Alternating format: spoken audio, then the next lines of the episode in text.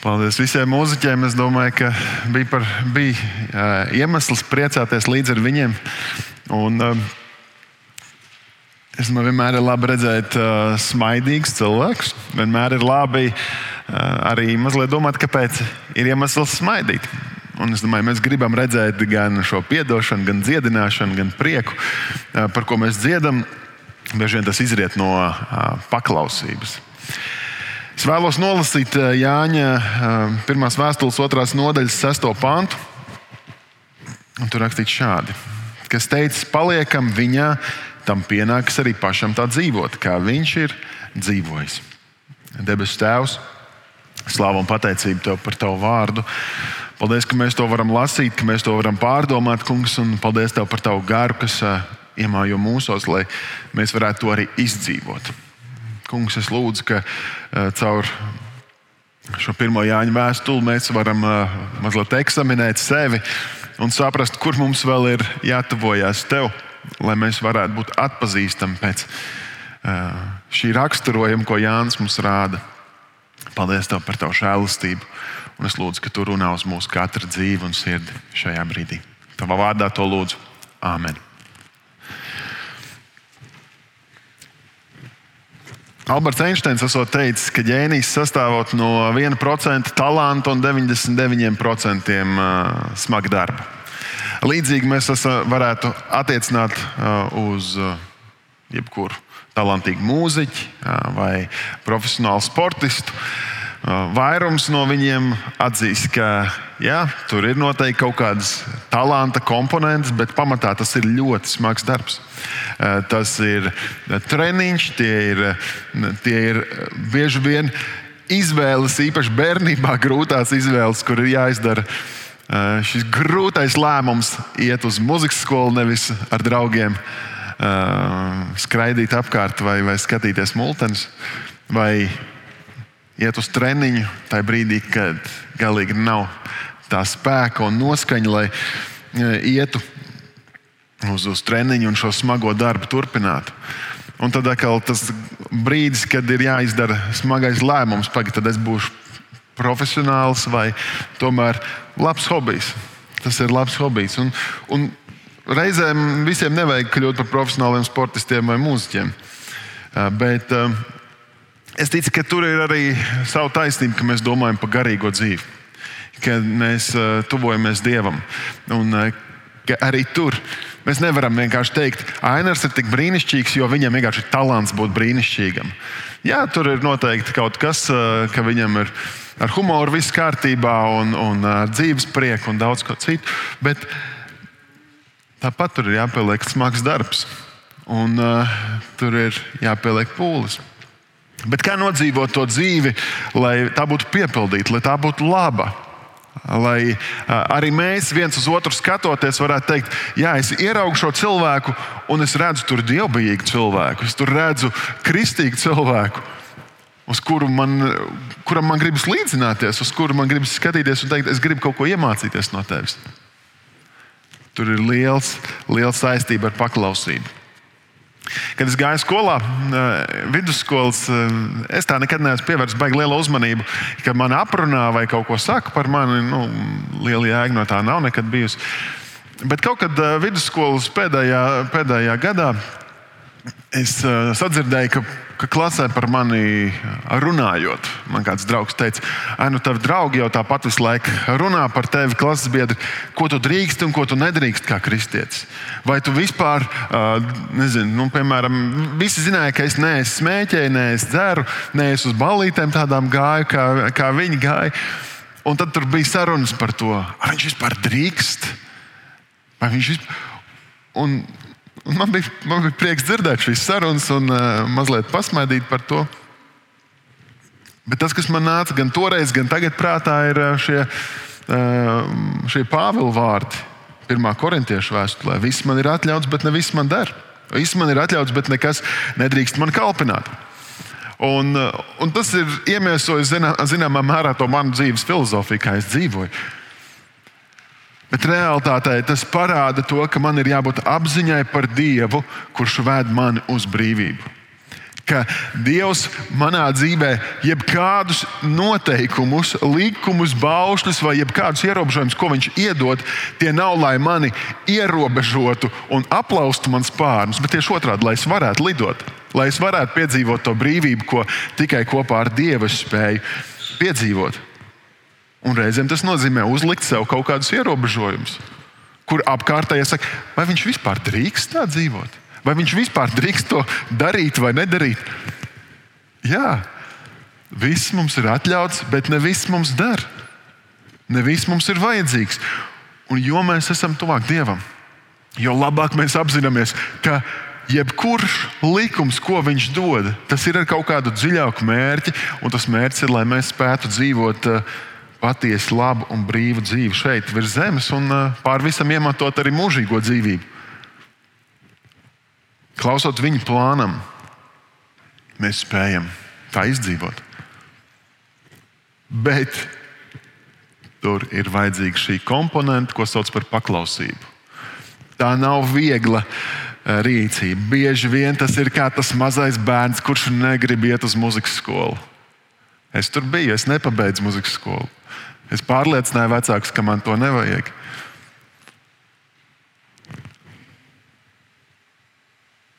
Bet jautājums ir, vai es uh, spēju izdzīvot šo brīvo un labo dzīvi, ko Dievs man ir ieplānojis. Un realitātē mums jāsaprot, ka mēs neesam tajā brīdī, kad mēs esam tuvu Dievam. Mēs saprotam, ka mēs neesam atkarīgi no apkārtējo cilvēku domām vai atkarīgi no kaut kādām vielām vai procesiem, lai labi justos. Bet mēs esam atkarīgi tikai un vienīgi no Dieva žēlastības. Un mēs varam būt patiesi brīvi un labi. Protams, ka mēs, kas esam kādu laiku kristieši, vai arī ļoti nesen, varbūt pirmo dienu kā kristietis, tu diezgan ātri saproti, ka paklausīt nevienmēr ir viegli. Un tāpat mēs pieļaujam kļūdas. Tāpat mēs sāpinām cits citu. Tad, tad jautājums, ko tālāk?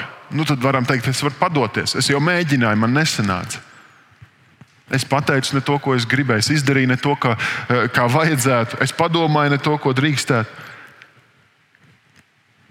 Un Jānis šeit, viņš raksta otrās nodaļas sākumā, Viņš saka, man bērniņi, to es jums rakstu, lai jūs negrēkotu. Un, ja kāds krīt grēkā, tad mums ir aizstāvis Tēva priekšā Jēzus Kristus, kas ir taisnīgs. Viņš ir mūsu grēku izpircējs. Ne tikai mūsu vienu, bet visas pasaules grēku. Tātad pirmais, ko viņš šeit saka, ir, to es jums rakstu, lai jūs negrēkotu. Ko viņš raksta? Mums jāatgriežas eh, pirmajā nodaļā, to, ko mēs pagājušā nedēļā runājām. Viņš runā par, eh, par sadraudzību draudzes kopienā, viņš runā par sadraudzību ar Dievu. Mums ir vajadzīgi līdzās cilvēki, kas mums palīdz negrēkot, un mums ir vajadzīgas attiecības ar Dievu, kurš mūs ietērp savā spēkā, lai mēs varētu uh, negrēkot. Un arī tā apziņa un brīvība, ko mēs varam piedzīvot tajā brīdī, kad mēs atzīstam patiesību, kad mēs ieejam Dieva gaismā, kad mēs atzīstam patiesību par sevi, par savu grēcīgo dabu. Tā arī ir daļa no tā, lai mēs varētu negrēkot, ka mēs to atzīstam. Viņš eh, pirmās nodaļas noslēgumā, 9. pantā, viņš rakstīja, ja atzīstamies savos grēkos, tad viņš ir uzticīgs un taisnīgs, ka viņš mums piedod grēkus un šķīsta mūs no visas netaisnības. Es gribētu teikt, ka mums, lai mēs spētu dzīvot paklausībā, mums ir jāiepazīst savus aizstāvis. Jāpazīst savus aizstāvis. Kad skatījos, gatavojos daudzos angļu valodas tulkojumos, kur ir pie pie uh, Bībeles nu, kaut kādiem fragmentiem virsrakstā, līdzīgi kā arī mums. Tur ir rakstīts, Kristus ir mūsu advokāts. Es nekad mūžā neesmu gājis pie advokāta, nav bijusi tāda vajadzība. Bet es pieņemu, ka tad, kad tu pie viņa aizēji, tev ir jāizstāsta viņam viss, ko tu zini, lai viņš varētu tevi aizstāvēt. Viss, kur tu, kam tu esi gājis cauri, viss, kam, ka, kāda vien ir tava pieredze. Skolā um, ir labi, ja mums ir vai nu vecāki brāļi, brāļi vai kādi labi draugi, kas mūs var aizstāvēt, kad esam uh, mazi. Mēs eh, sarunu valodā reizēm sakām, mums ir aizmugure, vai mums ir jumts, vai ne? Kaut kā tas vairāk no 90. gadiem laikam skan. Bet mums ir aizstāvis Dieva debesu Tēva priekšā. Un Kristus ir taisnīgs. Viņš nesagaida no, viņš nesagaida no tevis, ka tu atnāc pie viņa taisnības. Tad nav jēga no Jēzus, tad nav jēga no glābēja. Bet viņš, viņš sagaida, ka tu esi godīgs un izsūdz savus grēkus, izstāst savu patiesību. Un viņš kā aizstāvis, viņš ir, uh, viņš ir labāks par tevi. Viņš ir spēcīgāks par tevi. Viņš var iestāties par tevi. Un redzēji, šeit Jānis, kad raksta, viņš izmanto to pašu vārdu, vārdam aizstāvis, ko arī mēs lasām Jāņa evanģēlijā, kur Jēzus saka, es jums došu citu aizstāvi. Es do, es lūgšu tēvu, un viņš jums dos citu aizstāvi. Lai tas būtu pie jums mūžīgi, patiesības garu, ko pasaule nevar dabūt. Tāpēc, ka viņi to neredz un to nepazīst, bet jūs to pazīstat, jo viņš pastāvīgi ir pie jums un mājo jūsos. Jēzus ir pie debesu tēva, kā mūsu aizstāvs. Viņš saka, bet nekas es jūs neatstāšu bāriņus, es jums došu šo aizstāvu svēto garu, kas mājo jūsos. Un ko tas svētais gars dara? Kā viņš mūs aizstāv? Viņš mums atgādina Kristus vārdus. Viņš mums parāda to, kas mūsu dzīvē nav kārtībā. Ja jau viņš tikai visu laiku teiks, Matīs, cik labs tu esi, cik brīnišķīgs tu esi, tad jau man svēto garu nevajag. Man vajag svēto garu, lai viņš pasakā, Matīs, tu atkal pateici tā, kā nevajag. Nekas. Iesim pie mūsu aizstāvja Jēzus Kristus, kurš ir tavs glābējs. Svētais gars, kurš mājo tevī, vienmēr norāda uz Kristu, kurš ir tavs patiesais aizstāvis debesu Tēva priekšā. Otra lieta, ko šeit Jānis iesākot, viņš saka, ka viņš ir mūsu, Jēzus ir mūsu grēku izpircējs, un ne tikai mūsu vienu, bet visas pasaules grēku. Tas atkal man atgādina to, ka viss nav tik par mani vienu, viss nav tikai par tevi vienu. Ka Dieva labais plāns, Dieva sirds ir daudzkārt plašāka nekā tikai uz vienu individu vērsta. Kristus nopelns ir pietiekams visas pasaules grēku piedošanai. Jautājums ir, vai mēs aizējam un pieņemam šo glābšanu. Līdz ar to, lai spētu dzīvot paklausībā, man ir jāierauga Jēzus nopelns, jāierauga Jēzus upuris, viņa nāve, augšām celšanās. Un tad es varu, tad es varu kaut ko sākt mainīt sevī. Jo es esmu pienācis pie viņas, teicu, es izsūtu savus grēkus, es pasaku, kāds nelietis un, un uh, grēcinieks es esmu. Un viņš saka, labi, es to paņemu uz sevi. Tas nenozīmē, ka tas nemaksā neko. Ka viņam tas tā vienkārši, ah, nu labi, nu tad es negrē, tad negrēko tālāk.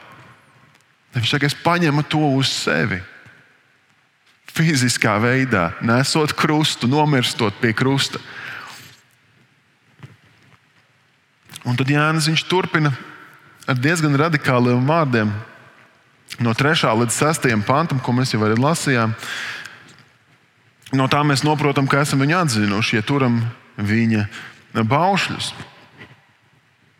Tad uzreiz man jāapstājas, jāsaprot, pag, pag, vai es esmu viņu atzinis, vai es turu viņa baušļus, vai es turu šos likumus, kurus man ir jāsaprot, ka tie ir manam labumam doti?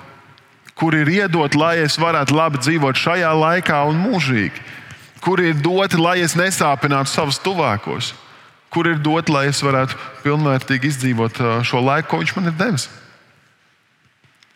Vai arī tomēr es neatzīstu viņu līdz galam, jo es neturos pie tā. Es saku, man patīk žēlastība, bet es negribu nekādu atbildību. Statistika rāda, Amerikā, Latvijā noteikti statistika būtu līdzīga, bet nu, mums varbūt nav šī tik, tik publiski redzama tā statistika. Aizvadītais gads bija augstākais, augstākais punkts, kad 40-gadīgi pieauguši cilvēki, kas nav stājušies nekad mūžā laulībā. Tas nenozīmē, ka viņiem nekad nav bijušas attiecības. Bet tas nozīmē, to, ka viņi nav gatavi uzņemties atbildību. Viņi nav gatavi dzīvot tajā paklausībā, kur mēs vienojamies par kaut kādiem noteikumiem. Saka, nē, man patīk brīvas attiecības, viss kārtībā. Un es domāju, tas rādītājs tikai turpinās augt. Bet, bet tas nav labi mūsu sirdī. Tas nav labi tavai dzīvei. Tas nav saskaņā ar Dieva prātu un plānu. Nostājies un izvērtē. Es apskatos uz Dieva bauslību, es apskatos uz savu dzīvi, un es skatos, nav pilnīga sakritība. Ir kaut kādas atkāpes. Un tam man ir divi varianti. Vai nu es attālinos no Dieva, vai nu tajā brīdī es tuvojos Jēzum Kristum kā savam aizstāvim, kā savam advokātam. Otrā lieta, eh, turpinājumā, 4. pantā, viņš saka, kas saka, es esmu viņa atzīts, bet ne tur viņa baušļus ir mēlis un viņā nav patiesības. Un tas ir tas brīdis, man jāatzīst patiesība par sevi. Nav jau jēga, ka es jūsu priekšā vai kāda cita priekšā mēs izliekamies par labākiem nekā mēs esam. Ja mēs esam pietiekami ilgi labā sabiedrībā, ar, ar varbūt kristīgiem cilvēkiem, mēs iemācīsimies gan kristīgo uh, valodu, kā runāt. Mēs teiks, zināsim, kur kā jāuzvedās, bet uh, mēs jau Dievu nevaram piemānīt. Viņš redz mūsu sirdi, viņš zina, kas mūsu dzīvē ir. Jautājums, vai es atzīstu patiesību par sevi? Dievs saka, atzīstiet patiesību, patiesība darīs jūs brīvus. Ja es atzīstu patiesību par sevi, ka es esmu vai nu melojis sev un citiem, vai mēģinājis melot dievam, kas ir diezgan bezjēdzīgi, tikai tad var sākt uh, kaut kādas dziedināšanas process sākties. Visu laiku stāstu, nē, viss ir kārtībā, un ko līdz es esmu mājās, es esmu pilnīgi cits cilvēks, tad nekas jau nevar mainīties. Piektajā pantā Jānis turpina, viņš saka, bet kas viņa vārdus tur, tad arī patiesa Dieva mīlestība ir kļuvusi pilnīga. Un no tā mēs saprotam, ka esam viņā. Un es gribu teikt, Protams, skaisti ir tie stāsti, kur mēs ieraugām un cilvēku dzīves liecības, kur mēs sakām, re, kur viņš stāv patiešām Dieva vārdā. Viņš stāv un atspoguļo Kristu caur savu dzīvi. Visā krāšņumā, visā skaistumā. Tas man noteikti nav stāsts par mani. Bet es zinu, ka man ir jāturpina mainīties viņa līdzjūtībā, un es to nevaru izdarīt savā spēkā. Man ir jāturpina mainīties viņa līdzjūtībā, un to es varu izdarīt tikai svētā gara spēkā. Es varu turpināt mainīties viņa līdzjūtībā, ja es tuvojos viņam. Pētījums saka, ka mēs esam tuvāko mūsu piecu draugu apvienojums un kopija kaut kādā ziņā. Kas ir tie cilvēki, ar kuriem mēs pavadām laiku, par tiem mēs lēnām kļūstam? Nu, mums ir mm, teiciens, parāda savus draugus, pateikšu, kas tu esi. Bet jautājums, vai es esmu, es pat nerunāšu šobrīd par draugu, bet vai es esmu Kristus tuvumā? Vai viņš ir tas, kurš ietekmē manu būtību? Vai viņš ir tas, kurš parāda, kā ir jāstaigā, kā ir jādzīvo? Kā jau mācītājs Ainars sākumā teica, mēs diezgan labi zinām, kā būtu pareizi. Bet nevienmēr ir viegli izdarīt to pareizo izvēli. Īpaši, ja mēs noslēdzamies un paliekam vieni paši. Kad mēs bijām pusauģi, mums māma mēdz kādreiz teikt, Viņa teica, jūs esat lieli, izdarat savu izvēli, bet jūs jau zinat, kā ir pareizi. Tu zini, kā ir pareizi, bet atbildība ir tava. Viņi nevar dzīvot mūsu dzīvi. Viņi var uzlikt kaut kādus ierobežojumus, bet vai mēs, mēs atradīsim apkārtceļu tam? Bet tad, kad tajā brīdī viņi saka, tā ir tava dzīve, tev ir jāizdara izvēle. Un viņi tur pat stāv blakus. Viņš saka, re, kur ir durvis, tu, tu vari palikt mājās, tu vari iet, tu vari braukt uz baznīcu vai iet uz, nezinu, skatīties televizoru tajā brīdī tu saproti, es zinu, kas ir pareizi. Un tāpēc, ka viņi tur ir, es neesmu viens pats, es izdaru pareizo izvēli. Mums ir vajadzīgi gan cilvēki līdzās, bet pāri visam mums ir vajadzīgs turēties ar Kristu. Mums ir jāzina viņa vārdi, lai, lai mēs varam izdarīt šīs pareizās izvēles. Reizēm, protams, ir eh, konfliktējošas, eh, konfliktējoši aicinājumi, Rezin, piemēram, eh, kur, kur Pēters pirmie mācekļi tika arestēti, aizvesti tiesas priekšā, viņi, viņi saka, nekad nesludiniet Jēzus vārdā. Un viņi saka, kam tam mums vairāk jāklausa? Dievam vai cilvēkam? Reizēm var būt situācijas, es nedomāju, ka viņas ir ļoti bieži, bet var būt situācija, kur tev ir jāpasaka, paga, kam tad vairāk ir jāpaklausa. Un mūsu kā kristiešu tā ir tā atšķirības zīme, ka mēs zinām, ka mums ir vairāk jāpaklausa Dieva vārdam. Mēs nedrīkstam kļūt par tādiem, kas manipulatīvi izvelk Bībeles pantus, lai tur nezinu, nemaksātu nodokļus vai, vai eh, dzīvotu kaut kādu dzīvi pseido brīvībā. Bet mums ir jāsaprot, ka Dieva likums, vispār tie standarti, kas ir ielikti, tie ir labi. Pēt, Pāvils, viņš raksta savam māceklim Timotejam, pirmajā vēstulē, salīdzinošo pašā ievadā, viņš saka, mēs zinām, ka bauslība ir laba, ja to lieto pareizi. Mums tendence reizēm ir paņemt un teikt, o, mēs esam jaunajā derībā, bauslība uz mums vispār neatiecas. Ļoti iespējams tas ir tāpēc, ka mēs nemaz nemēģinām iedziļināties, kāpēc tie likumi tur ir bijuši sākotnēji. Kāpēc Dievs ir uzlicis kaut kādu standartu? Kāpēc ir kaut kādi rāmji un ierobežojumi? Un tad mēs varam izmantot bauslību, lai viens otru iznīcinātu vai pazemotu un pateikt, redz, cik tu esi slikts, redz, kāds tu esi grēcinieks. Pāvils viņš turpat arī turpina, un es nelasīšu visu garo sarakstu, bet viņš saka, atzīstot, ka bauslība nav dota taisnam, bet netaisnam. Mums ir jāieraug šī būtiskā patiesība, ka bauslība ir laba, Dieva likums ir labs. Un reizē viņi nevar izpildīt, jo mēs esam netaisni, mēs esam grēcīgi. Mēs, es esmu tas netaisnais. Viņš kļūst diezgan specifisks gan 9. gan 10. pantā, tur tālāk vēstulē Timotejam. Citur Pāvils vēstulē romiešiem viņš saka, kas tad no tā izriet? Vai pati bauslība ir grēks, ja tā mani provocē grēkot? Vai pati bauslība ir grēks? Viņš saka, nekādā ziņā nē. Bet to gan varu teikt. Es nebūtu pazinis grēku, ja nebūtu bauslības. Un tad ir vienmēr lielā izvēle, ko darīt tajā brīdī.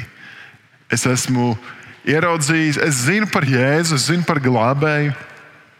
Es zinu patiesību, kas ir rakstīta Dieva vārdā, es zinu šos standartus, ko Dievs ir iedevis, kurus es apzinos, ka tie ir labi un man veselīgi. Un es spogulī redzu sevi, kurš neatbilst ne Jēzus standartam, ne bauslības standartam. Man ir izvēle, ko es varu darīt. Es varu slēpties, es varu slapstīties. Jo man negribas, ka ierauga manus ievainojumus. Es negribu parādīt savus trūkumus. Es negribu parādīt, ka es neesmu tik gaišs un labs, kā nu, kādu es esmu bildi savā galvā uzbūris par to, kādam jāizskatās kristietim. Man ir izvēle arī. Un tad es varu noslēgties un paslēpties. Un jo vairāk es ļauju tai tumsai palikt sevi, jo lielāks ir rūkums manī un jo lielāka ir tā nasta, kas man ir jānes. Bet tas, ko Pāvils un Jānis un es domāju, ka viens Kristus sekotājs un māceklis toreiz saprata un ko mums šodien ir jāsaprot. Ka bauslība mums parāda grēku, un tas mums parāda, ka mēs neatbilstam Dieva standartam, bet tieši tādēļ nāca glābējs. Un tieši tādēļ man ir jāiet pie Jēzus. Un man tajā brīdī, kad es esmu viņa klātbūtnē, jāsaprot, es gribu izmainīt savu dzīvi. Un viņš saka, ej un negrēko vairs. Es tevi nepazudinu, ej tālāk un negrēko, es tev dodu jaunu iespēju. Reizēm mēs ieraugām dieva likumus vienkārši tā kā tikai sliktus, tikai ierobežojošus. Bet, ja mēs paskatāmies, eh, kas tad ir eh, nu, praktiski, praktiski pirmais, eh, ko, ko Dievs cilvēkam saka, viņš rada cilvēku. Un pirmā lieta, ko viņš iedod, viņš iedod sabatu un saka, sabatā atpūties nu, kuram no mums nepatīk atpūsties. Tas ir pirmais, ko Dievs saka, un tas ir viņa likums - atpūties. Dieva standarti, Dieva likumi ir labi. Viņš saka, e, rūpējieties par dārzu. Es esmu čakls, es esmu strādīgs. Kuram no mums uh, negribas, ka apkārt mums ir čakli un strādīgi cilvēki? Tur ir ļoti vienkārši sekas. Viņš saka, ka kas negrib strādāt, tam nebūs ko ēst. Mēs zinām, ka Dieva standarts ir mīli, rūpējies par ģimeni, mīli tos, kas ir vājāki, iestājies par tiem. Tas viss ir labi. Dieva likuma reizē arī ir ļoti grūti piepildāmi. Noteikti varētu atrast dažne dažādas, bet, bet nu, mēs varētu prasīt, nu, kurš nekad nav melojis. Un tas, kurš pacelt roku, mēs visdrīzāk varētu izdarīt drošu apgalvojumu, ka tajā brīdī viņš melo. Jo visdrīzāk viņš kaut ko ir vienkārši aizmirsis. Bet mēs katrs esam kādā brīdī izteikuši puspatiesības vai nepatiesības. Kurš no mums varētu teikt, es nekad neesmu iekārojis? Es pat nerunāju par kaut kādu nezinu, tur, tur seksuālu iekāru, bet bauslība saka, neiekārot tuvākā mantu. Un mēs redzam, ka mēs nevaram izpildīt šo bauslību. Tā ir par grūtu. Un, ja es to reducē un nosaucu divas lietas, viņš saka, mīl Dievu, mīl cilvēkus. Un man nevienmēr izdodas darīt nevienu ne otru. Bet tie man vienmēr ir jāved pie glābēja. Kurš mani mīlēja, tad, kad es biju grēcinieks un joprojām esmu?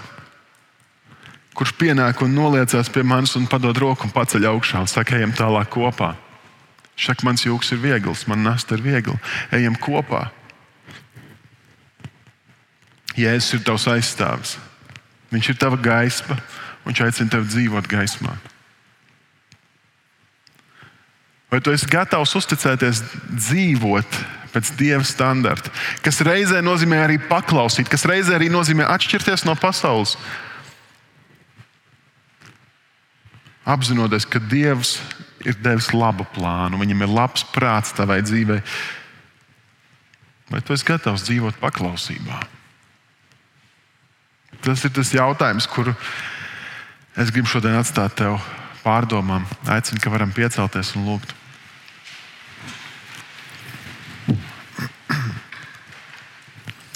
Kungs, Jēzu, paldies Tev par uh, Tavu nopelnu. Paldies, ka tu mūs atbrīvo, ka tu paņem to nastu uz sevi. Ka tu samaksāji par maniem grēkiem un par manām vainām. Ka tu ieaicināji mani gaismā. Paldies, ka tu saki, ka tas nav tikai par vienu cilvēku, bet ka tu saki, ka ar tavu upuru pietiek ik katram. Es lūdzu, ka tu svētī mūsu sargi un dod mums savu spēku, nevis bēgt no tevis tajā brīdī, kad mēs ieraugam savu nepilnību un grēcīgumu, bet tajā brīdī vēl vairāk spiesties pie tevis, lai piedzīvotu glābšanu, lai piedzīvotu atbrīvošanu. Lai tajā brīdī, kad izgaismojam savu sirdi, piedzīvojam jaunu spēku, lai dzīvotu tālāk, labāk, dzīvot paklausībā. Tavā vārdā to lūdzu. Āmen. Es aicinu, ka noslē, varam noslēgt šo dievkalpojumu ar svētīšanas vārdiem.